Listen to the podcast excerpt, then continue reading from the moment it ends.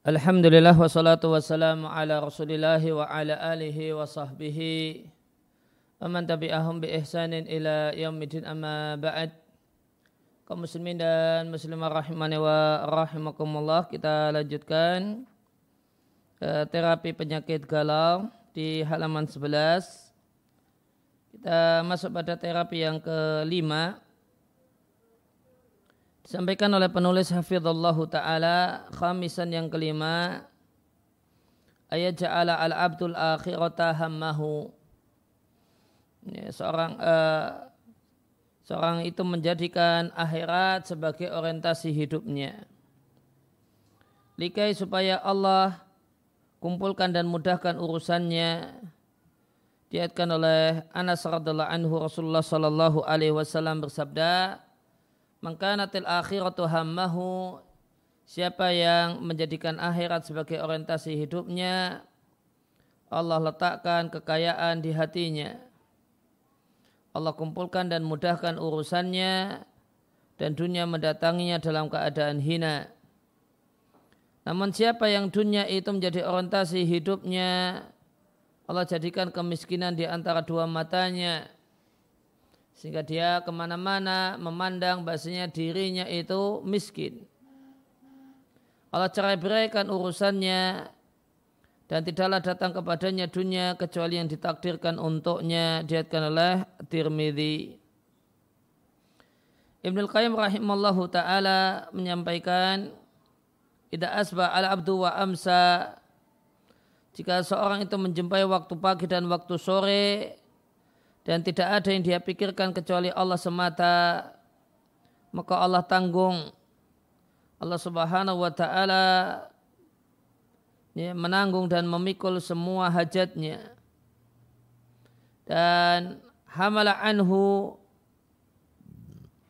kulama ahammahu. Ya, maka Allah bersihkan dirinya Allah bersihkan dari dirinya segala sesuatu yang menyusahkannya. Allah akan kosongkan hatinya sehingga hanya untuk mencintai Allah. Allah kosongkan lisannya.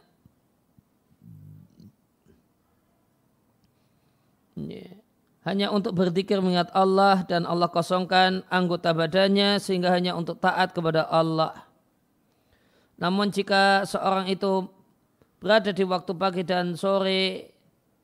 Dalam keadaan dunia dunialah yang Allah pikirkan. Maka Allah bebani padanya kegalauan dunia dan kegelisahan karena dunia kesusahan dunia. Kemudian Allah pasrahkan dirinya kepada dirinya.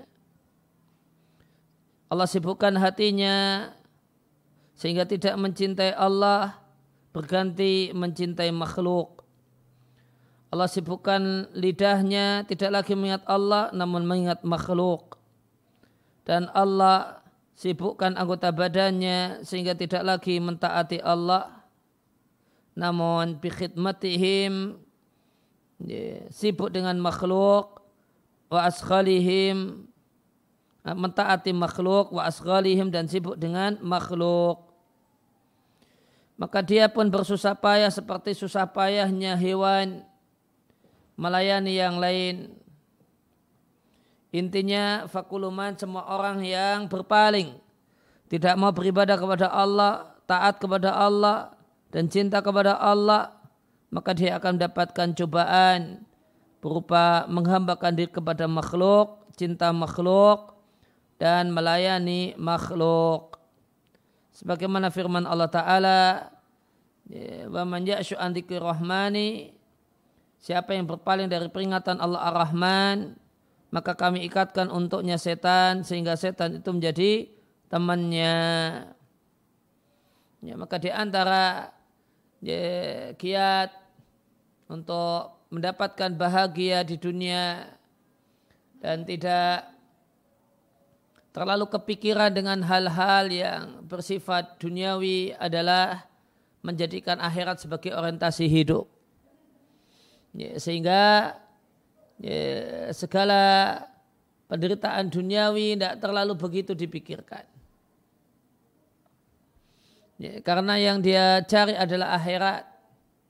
maka uh, ya, persaingan hidup antara atau kemudian persaingan dunia dengan kawannya dengan tetangganya tidak dia hiraukan maka dia tidak punya hasad ya, karena dia tidak bersaing dengan ya, dengan tetangganya dengan kerabatnya dengan teman-temannya karena yang dia pikirkan adalah akhiratnya maka dengan kiat yang kelima ini ya, maka seorang itu akan uh, menyikapi dunia dengan sangat bijak dan dengan sangat baik. Kemudian yang keenam, satu terapi yang sangat berfaedah, mudahis yang sangat mencengangkan manfaatnya yaitu mengingat kematian. Mengingat sabda Nabi Shallallahu Alaihi Wasallam, ya, sering-seringlah mengingat hal yang menghancurkan segala kenikmatan yaitu kematian. Tidaklah seorang itu mengingat kematian ketika dia dalam keadaan sempit hidup kecuali Allah akan lapangkan. Dan tidaklah seorang itu mengingat kematian ketika dia dalam kelapangan hidup kecuali kelapangan hidup tersebut akan berubah terasa sempit baginya diatkan oleh Al-Bazar dari Anas bin Malik. Maka Nabi sampaikan, siapa yang dalam keadaan kesusahan hidup dan dia ingat mati, maka nanti hidup akan terasa lapang. Ya, karena dia, dia sadari karena dia akan mengatakan ya, ya, untuk apa harus bersusah payah mengejar ini dan itu karena itu juga tidak dibawa mati. Ya. Sehingga uh, persaingan hidup uh, antara satu orang dengan yang lain itu tidak menjadi beban dirinya. Karena dia menyadari demikian mudahnya kematian mendatanginya. Dan orang yang ingat kematian itu tidak akan panjang angan-angan. Ya, namun dia akan fokus dengan apa yang ada di depannya dan ini satu hal yang sangat membantu untuk mudah mendapatkan kebahagiaan hidup. Karena orang yang ingat kematian dan sadar bahasanya mati itu akan itu dekat, itu memiliki tiga manfaat pokok.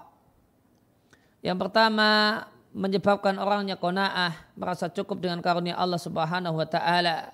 Dan ini satu kiat penting supaya orang nyaman dalam hidup. Kemudian yang kedua akan segera bertobat karena khawatir meninggal dunia dalam keadaan belum bertobat. Dalam keadaan dia sadar bahasanya mati demikian dekat dan gampang. Kemudian yang ketiga akan semangat untuk melakukan berbagai macam amal ibadah. Sebaliknya orang yang lupa mati mendapatkan tiga dampak kebalikannya. Ya. Maka orang yang tidak ingat uh, mati atau lupa dengan kematian, ya, maka dia tidak kona'ah. Dia pingin ini, pingin itu. Kemudian nanti akan menunda-nunda tobat. Besok aja, nanti kalau sudah pensiun, nanti kalau sudah umur 70 tahun, kalau ya, maka dia akan tunda-tunda tobatnya. Kemudian tidak ada semangat untuk melakukan ibadah dengan alasan umur saya masih panjang, nggak harus ibadah itu sekarang, besok-besok masih bisa. Kemudian kiat yang ketujuh adalah berdoa kepada Allah Ta'ala sebagaimana di halaman 12. Dan ini adalah manfaat sekali. Dan terapi ini bisa terapi wikoyah, preventif, antisipasi, dan ada yang merupakan ilaj. Ya, adalah pengobatan Ya, untuk antisipasi maka menjadi kewajiban seorang muslim untuk mengadu kepada Allah, berdoa kepada Allah, merendah kepada Allah agar Allah melindunginya dari berbagai macam kegalauan dan menjauhkan dia menjauhkan dirinya dari uh, kegalauan sebagaimana yang dilakukan oleh Nabi Shallallahu Alaihi Wasallam sebagaimana dikabarkan kepada kita oleh pelayan Nabi Anas bin Malik radhiallahu anhu tentang keadaan Nabi bersamanya. Anas mengatakan aku melayani Rasulullah Sallallahu Alaihi Wasallam Dan jika beliau singgah di satu tempat, maka aku sangat sering mendengar beliau berdoa, Allahumma ini a'udzubika minal hammi wal hazan. Ya Allah, sehingga aku berlindung kepadamu dari ya, si, uh, dari keadaan, dari penyakit kejiwaan, alhammi, risau dengan sesuatu yang belum terjadi, al-hazan sedih dengan sesuatu yang telah terjadi, wal ajzi wal kasal, ya, ketidakberdayaan dan kemalasan, pelit dan penakut, kemudian hutang yang tidak bisa terbayarkan dan ditindas oleh orang. Dikeluarkan oleh Al-Bukhari. Maka doa ini berfaedah untuk mencegah ham, kegalauan sebelum terjadinya dan kaidah dalam pengobatan adaf'u ashalu minarraf'i mencegah itu lebih baik dan lebih mudah daripada mengobati. Wa min anfa'i ma dan di antara hal yang paling manfaat untuk memperhatikan ya, masa depan sesuatu adalah menggunakan dan memanfaatkan doa ini yang Nabi Shallallahu Alaihi Wasallam rajin berdoa dengannya. Dari Abu Hurairah radhiallahu anhu adalah Rasulullah Shallallahu Alaihi Wasallam mengucapkan ya Allah perbaikilah agamaku yang merupakan pelindung urusanku atau pegangan ya, urusanku perbaikilah duniaku yang merupakan tempat hidupku. Perbaikilah akhiratku yang merupakan tempat kembaliku. Jadikalah kehidupan adalah kesempatan untuk menambah segala kebaikan. Dan jadikanlah kematian adalah uh, adalah istirahat dari segala jenis keburukan. Dan jika terjadi alhamu, kegalauan, wa alama bil mar'i yang itu meliputi seseorang, maka pintu doa masih terbuka dan tidak terkunci. Dan zat yang maha pemurah azza wa jalla jika diketok pintunya dan dimintai, dia akan memberi dan memberikan jawaban. Sebagaimana firman Allah Jalla wa ala, wa idza sa'alaka ibadi anni fa inni qarib. Jika hambaku bertanya kepadaku tentang diriku, katakanlah bahasanya aku dekat Aku menjawab doanya orang yang berdoa jika dia berdoa maka responlah maka berilah respon positif untukku dan berimalah kepadaku supaya kalian mendapatkan petunjuk. Dan di antara doa yang paling penting untuk menghilangkan alhami wal ghammi, kegalauan dan kecemasan, wal ityan ba'dahu bil faraji, dan jadi sebab terpenting data, uh, kehadiran ba'dahu setelah galau bil faraj kabar gembira. Ada doa yang agung yang terkenal yang Nabi memotivasi semua orang yang mendengarnya untuk mempelajarinya dan menghafalnya. Rasulullah Shallallahu Alaihi Wasallam bersabda, tidaklah seorang itu tertimpa, tidak ada seorang pun yang tertimpa hamun, kegalauan, kesedihan, lantas berdoa. Ya Allah, senyap aku hambamu dan anak dari hambamu anak dari hamba perempuanmu, ubun-ubunku ada di tanganmu, berlaku padaku hukummu, adil padaku ketetapanmu. Aku memohon kepadamu dengan semua nama yang merupakan namamu, engkau namai dirimu dengannya. Atau kau ajarkan pada seorang dari makhlukmu, ada di hadis. Atau engkau turunkan dalam kitab sucimu, ada di Al-Quran. Atau engkau simpan di ilmu gaib di sisimu. Nah, ini tidak ada orang yang tahu. Ya Allah jadikanlah Al-Quran sebagai Rabi akalbi musim semi hatiku, cahaya dadaku, penghilang kesedihanku, penghilang galauku. Maka tidaklah orang membaca seorang Muslim membaca kalimat-kalimat doa ini kecuali Allah hilangkan kegalauannya dan kesedihannya. Allah ganti dengan farajan kabar gembira. Lantas ditanyakan oleh Rasulullah, apakah kami perlu mempelajarinya? Maka Nabi katakan, bala yang bari liman sami'aha ayat ta'allamaha. Sepatutnya semua orang yang mendengar doa ini untuk mempelajarinya. Diat kelimam Ahmad. Maka hadis yang agung ini ya manu memuat pengakuan seorang hamba kalau dia adalah milik Allah. Wa lahu anhu sehingga dia pasti membutuhkan Allah. Dan dia tidak memiliki tuan selain Allah. Dan dia komitmen untuk menyembah Allah dan mengikrarkan kalau tunduk dan taat kepada perintah dan larangan Allah. Dan bahasanya Allah mengaturnya dan mengatur dirinya sebagaimana yang dia Allah kehendaki. Halaman 13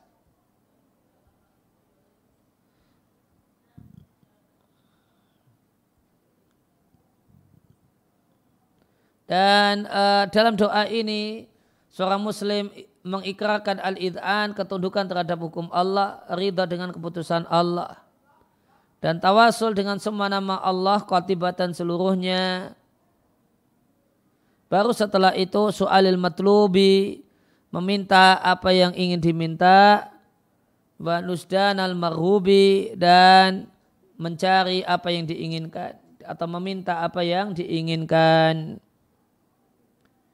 Dan terdapat dalam hadis Nabi doa-doa yang lainnya berkenaan dengan al-ghammi, kecemasan masa sekarang, al-hammi, kegalauan sesuatu yang belum terjadi, dan berbagai macam bentuk kesusahan.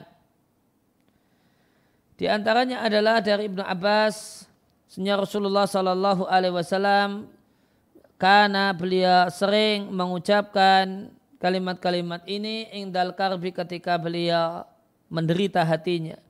La ilaha illa ilaha illallahul azimul halim. La ilaha illallah rabbul arshil azim. La ilaha illallah rabbus samawati wa rabbul ardi wa rabbul arshil karim. Demikian dalam hadis yang diatkan oleh Al-Bukhari. Dari Anas radhiallahu anhu Rasulullah sallallahu alaihi wasallam idza hazabu amron jika ada sesuatu yang menyusahkan beliau maka beliau akan banyak mengucapkan ya hayu ya qayyum bi rahmatika astaghitsu wa yang mahidup wa yang mengurusi dirinya dan makhluknya. Dengan kasih sayangmu aku meminta pertolongan. Kemudian dari Asma binti Umais beliau mengatakan Rasulullah Shallallahu Alaihi Wasallam bersabda kepadaku, maka aku ajar beberapa kalimat yang perlu engkau baca, yang bisa engkau baca ketika sedang kesusahan hati?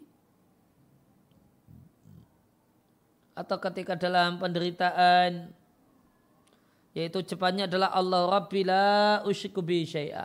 Allah adalah Rabbku dan aku tidak akan sekutukan Allah dengan sesuatu apa pun.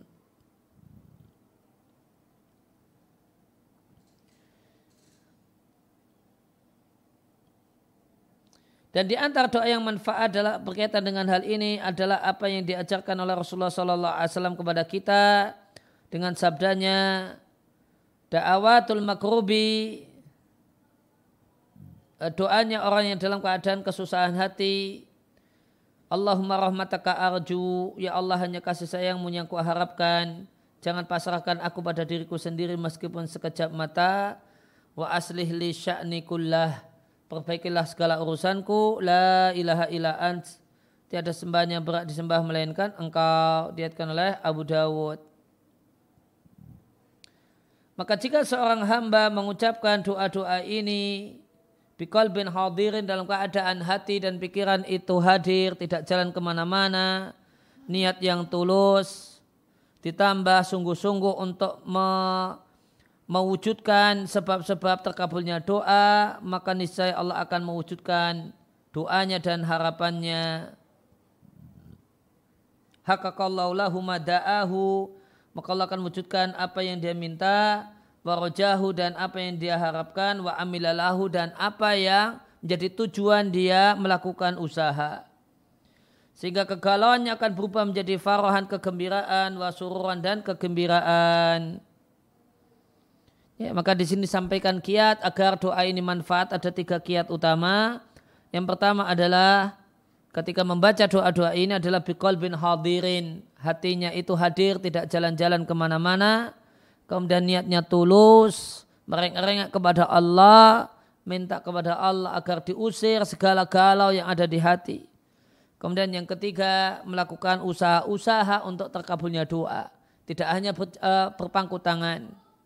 Artinya kiat-kiat yang lainnya juga berupaya untuk diamalkan dan dipraktekkan. Di, tidak hanya kiat yang nomor tujuh ini saja. Namun semua kiat-kiat yang mungkin untuk dilakukan akan dilakukan.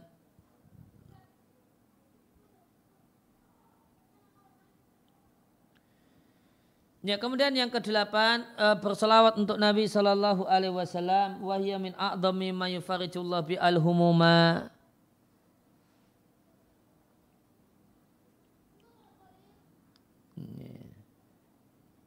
Dan selawat Nabi adalah termasuk faktor yang paling penting ya, yang dengan faktor ini Allah akan hilangkan berbagai macam kesusahan, berbagai macam kegalauan. Diatkan oleh Atufail ibn Ubay ibn Kaab dari ayahnya Ubay bin Kaab. Rasulullah Shallallahu Alaihi Wasallam itu jika telah berlalu dua per tiga malam beliau akan bangun dan mengatakan wahai sekalian manusia ingatlah Allah ingatlah Allah telah datang rajifah eh, tatba'ha radifah yang kemudian diikuti oleh radifah. Ja'al mautu bima fihi. Datanglah kematian dengan semua isinya. Ja'al mautu bima fihi. Lantas Ubay mengatakan, Ya Rasulullah, saya sering bersalat untukmu, berapakah aku jadikan ya, untukmu dari sol solawatku maka beliau mengatakan masyikta sebagaimana yang kau inginkan. Kal gimana kalau seperempat dari dari waktuku waktu doaku untuk solawat. Maka Nabi katakan terserah dirimu halaman 14 ya. Jika engkau tambah itu yang lebih baik. Kemudian ku katakan gimana kalau setengah. Maka Nabi mengatakan terserah dirimu jika engkau tambah itu lebih baik. Kemudian kukatakan gimana kalau dua per tiga waktuku untuk doa, kujadikan untuk sholawat, maka Nabi katakan terserah dirimu. Namun jika engkau tambah itu lebih baik. Maka kemudian kukatakan kujadikan untukmu seluruh doaku. Maka Nabi katakan, idan jika demikian, maka Allah akan cukupi maka akan dicukupilah segala apa yang kau pikirkan dan diampunilah segala dosamu diatkan oleh At-Tirmidzi.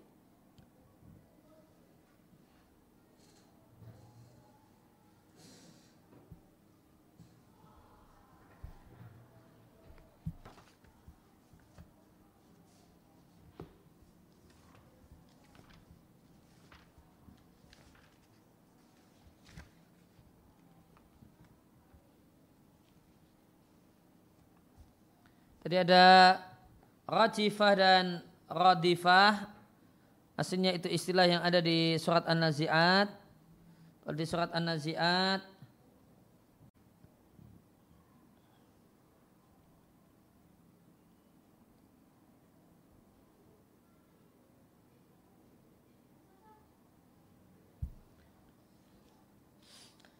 Maka rajifah dimaknai dengan uh, hari di mana bumi berguncang di, pada tiupan yang pertama. Dan radifah itu maknanya adalah tiupan yang kedua.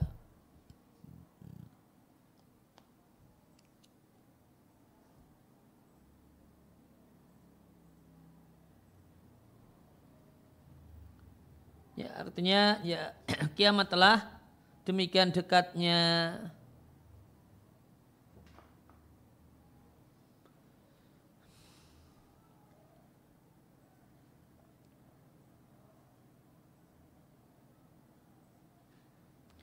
Kemudian kiat yang kesembilan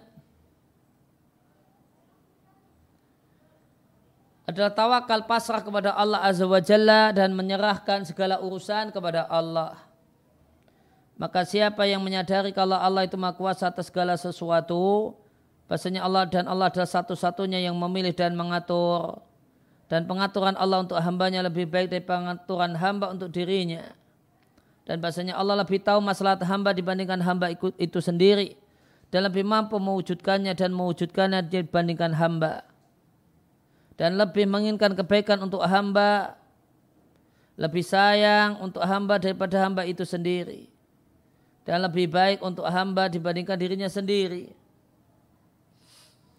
Wa alima ma'adalika dan dia menyadari dalam keadaan demikian bahasanya dia tidak akan mampu untuk melangkah di hadapan pengaturan Allah satu langkah pun dan tidak akan bisa mundur dari pengaturan Allah satu langkah pun. Maka maka tidak ada yang menyebabnya mendorongnya untuk bisa melangkah maju di hadapan takdir dan takdir Allah tidak ada pula yang bisa mutaakhir yang memundurkan langkahnya. Maka pada saat itu maka dia alqa nafsahu maka dia campakkan dirinya, dia jatuhkan dirinya di hadapan Allah, dia pasrahkan urusannya seluruhnya kepada Allah. Dia berbaring pasrah di hadapan Allah sebagaimana berbaringnya seorang hamba, seorang budak yang lemah di hadapan ya, seorang raja yang perkasa dan kuasa. Yang dia bisa mengatur hambanya sebagaimana yang dia inginkan dan hamba tidak bisa mengatur dirinya dengan alasan apa pun. Fastaroha hina idin maka ketika seorang sudah uh, totalitas pasrah maka selamatlah dia pada saat itu dari berbagai macam galau, kecemasan, hal yang menyusahkan hidup dan berbagai macam penyesalan.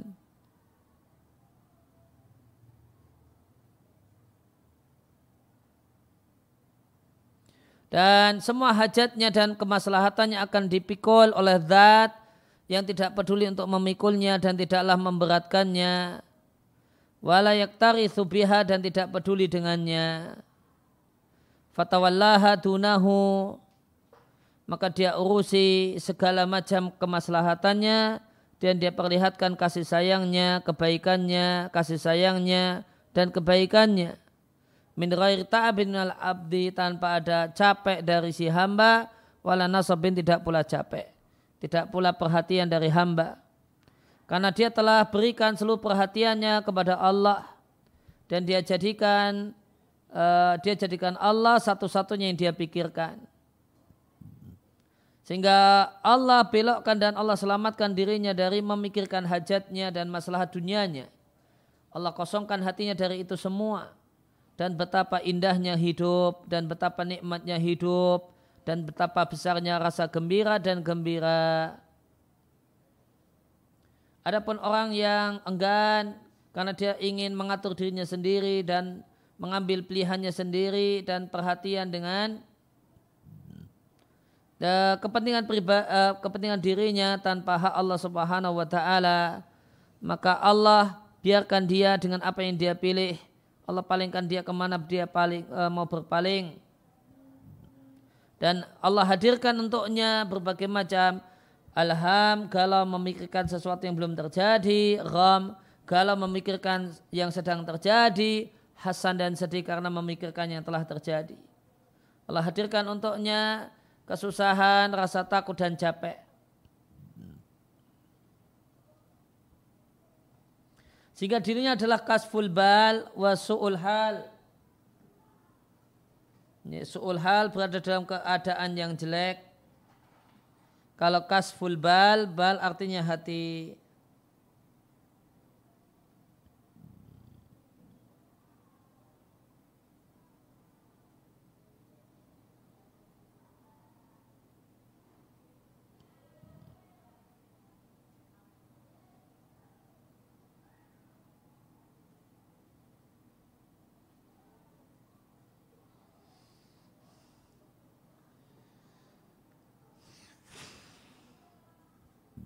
Kasfu menutupi.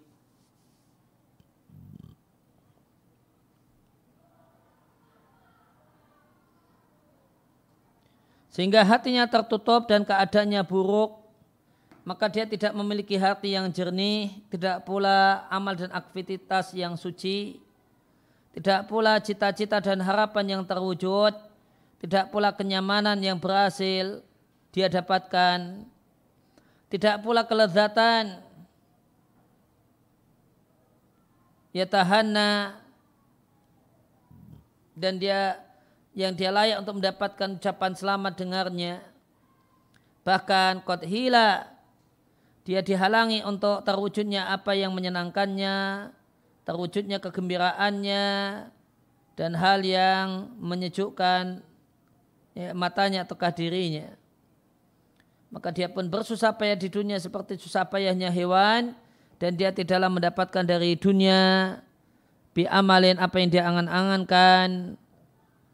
Tidak pula mengambil bekal dari dunia. Limaat untuk tempat kembali nanti. Yang kutipan dari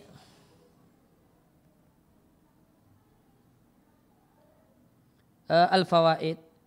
Kemudian wa mata dan jika hati itu bersandar kepada Allah, tawakal pada Allah, dan tidak pasrah kepada berbagai macam pikiran, tidak dikuasai oleh berbagai macam angan-angan yang jelek, yakin dengan Allah, mengharapkan karunia Allah, maka akan tercegah darinya dengan sikap ini berbagai macam kegalauan ya, dan berbagai macam kecemasan. Akan hilang darinya banyak dari penyakit-penyakit hati dan badan. Ya, maka hatinya akan mendapatkan kuat. Dia akan memiliki hati yang kuat hati yang lapang dan dia akan merasakan kegembiraan yang tidak mungkin bisa diungkapkan oleh kata-kata. Al-mu'afa man afahullahu orang yang sehat dan selamat adalah orang yang Allah selamatkan. Dan Allah berikan taufik di halaman 15 untuk melawan dirinya sendiri. Untuk terwujudnya sebab-sebab yang manfaat, yang menguatkan hati dan mencegah kecemasan hati. Allah Ta'ala berfirman, Wa mayatawakal ala Allah fa hasbuh. Siapa yang tawakal kepada Allah, maka Allah akan mencukupinya. Aikafi Allah akan cukupi dirinya. Semua yang dia pikirkan berkenaan dengan masalah dunia atau agama ataupun dunia. Maka orang yang tawakal kepada Allah hatinya kuat. Dia tidak terpengaruh oleh berbagai macam al-auham, anggapan-anggapan. Dia tidaklah terganggu dengan berbagai macam peristiwa karena dia mengetahui dan menyadari anna dzalika bahasanya hal tersebut disebabkan karena jiwa yang rapuh. Dan dikarenakan al-khawr wal khawfu, al-khawfu ketakutan yang bukanlah satu hal yang realita dan nyata.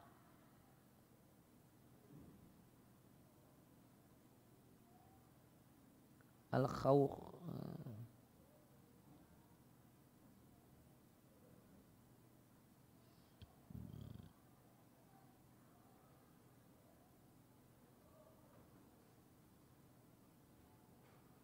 Al-khawq atau al-khawar maknanya ad-da'af. Kelemahan dan kerapuhan. Wa dan dia menyadari ma'adhalika di samping itu bahasanya Allah telah menjamin siapa yang tawakal kepada Allah maka Allah akan cukupi secara sempurna. Maka dia yakin kepada Allah merasa tenang dengan janji Allah sehingga hilanglah hamu galaunya dan kecemasannya bergantilah kesusahannya dengan kemudahan ya, kemudian kesusahannya farohan berganti dengan kesedihannya berganti dengan kegembiraan, rasa takutnya berganti dengan rasa aman. Kami mohon pada Allah Ta'ala agar Allah memberikan afiah, memberikan keselamatan, dan berikan anugerah kepada kita memiliki hati yang kuat, hati yang kokoh, ya, sehingga tidak rapuh menghadapi berbagai macam cobaan, berbagai macam tekanan. Orang itu bisa depresi, stres, bahkan gila, itu kata kuncinya adalah karena hatinya itu rapuh. Ya. namun orang itu bisa menghadapi itu semua dengan baik, manakala hatinya kuat. Dan hati yang kuat di sini disampaikan bitawakulil kamil, memiliki kepasrahan yang sempurna, yang ya Allah berikan jaminan kepada orang yang betul-betul bertawakal, Allah akan jamin segala kebaikan dan Allah akan cegah darinya segala keburukan, wadair dan segala mara bahaya. Sekian kutipan dari Wasail Mufidah lil Hayati Sa'idah kiranya Ibnu Sa'di rahimallahu taala. Ya demikian yang kita ya yang kita uh, baca, kita bahas ya, dan kita uh, kita cermati dan kita uh, cerna dalam kesempatan kali ini wasallallahu ala nabiyina Muhammadin wa ala alihi wasallam wa ruda'ana alhamdulillahi rabbil alamin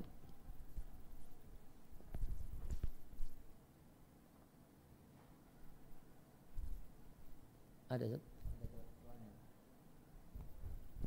Baik, Sat, uh, ada pertanyaan? Untuk pertanyaan pertama, Sat. Assalamualaikum warahmatullahi wabarakatuh. Waalaikumsalam warahmatullahi wabarakatuh. Sat izin bertanya. Saat saya memiliki beberapa buku buku zikir pagi petang. Kadang beberapa zikir yang ada di satu buku tidak terdapat di buku lainnya Mohon penjelasannya Ustaz. Zikir-zikir pagi petang yang sahih. Uh, insya Allah semuanya bisa diamalkan uh, karena yang terjadi itu adalah uh, sekedar perbedaan pendapat tentang uh, perbedaan pendapat apakah hadisnya daif ataukah tidak. Maka tidak ada insya Allah tidak ada yang murni itu hadisnya adalah hadis yang daif. Namun yang ada adalah sebagiannya diperselisihkan sehingga tidak dimasukkan menurut yang lebih cenderung pada pendapat yang mendaifkan namun dimasukkan oleh yang cenderung bahasanya hadisnya nilainya kuat. Nah. Baik, Sat, uh, pertanyaan berikutnya, Sat. Bismillah, Assalamualaikum warahmatullahi wabarakatuh. Waalaikumsalam warahmatullahi wabarakatuh. Saat bagaimana mengusir galau dengan banyak istighfar dan bagaimana cara mengendalikan pemikiran buruk dalam pikiran kita, pikiran yang selalu pesimis dan menganggap semua orang tidak menyukai kita. Uh, berzikir dengan istighfar ya mungkin saja bisa dilakukan karena dia ada zikir umum. Ya meskipun ya, ya bukalah cakrawala, bukalah pandangan, bahasanya ya tidak harus istighfar, ada bacaan-bacaan zikir itu banyak, bisa solawat, bisa kemudian baca tasbih, subhanallah bihamdi, subhanallah azim dan eh, yang lainnya. Kemudian uh, berpikir positif, ya caranya kiat utamanya adalah berbaik sangka kepada Allah Subhanahu wa taala dan dan yakinlah dan sadarilah bahasanya banyak orang yang cinta dan sayang kepada kita. Nah. Baik, saat uh, eh, pertanyaan berikutnya saat Bismillah. Assalamualaikum warahmatullahi wabarakatuh. Waalaikumsalam warahmatullahi wabarakatuh. Saat bagaimana mengatasi rasa kesal saat dituduh merendahkan seseorang tanpa bukti di depan kawan-kawan yang lainnya. Saat orang yang menuduh sudah minta maaf cuman hubungannya jadi berbeda jazakumullah khairan ya kalau tuduhan tersebut uh, tuduhan telah di, dimakan Allah tertelan oleh banyak pihak maka klarifikasi tidak manfaat sebagaimana perkataan ibunda Aisyah ketika ada klarifikasi ya, maka beliau mengatakan klarifikasi tidak manfaat saya adukan perkaraku kepada Allah Subhanahu wa taala semata. Nah. Ya demikian subhanakallahumma bihamdika asyhadu an la ilaha illa anta astaghfiruka wa atubu ilaik.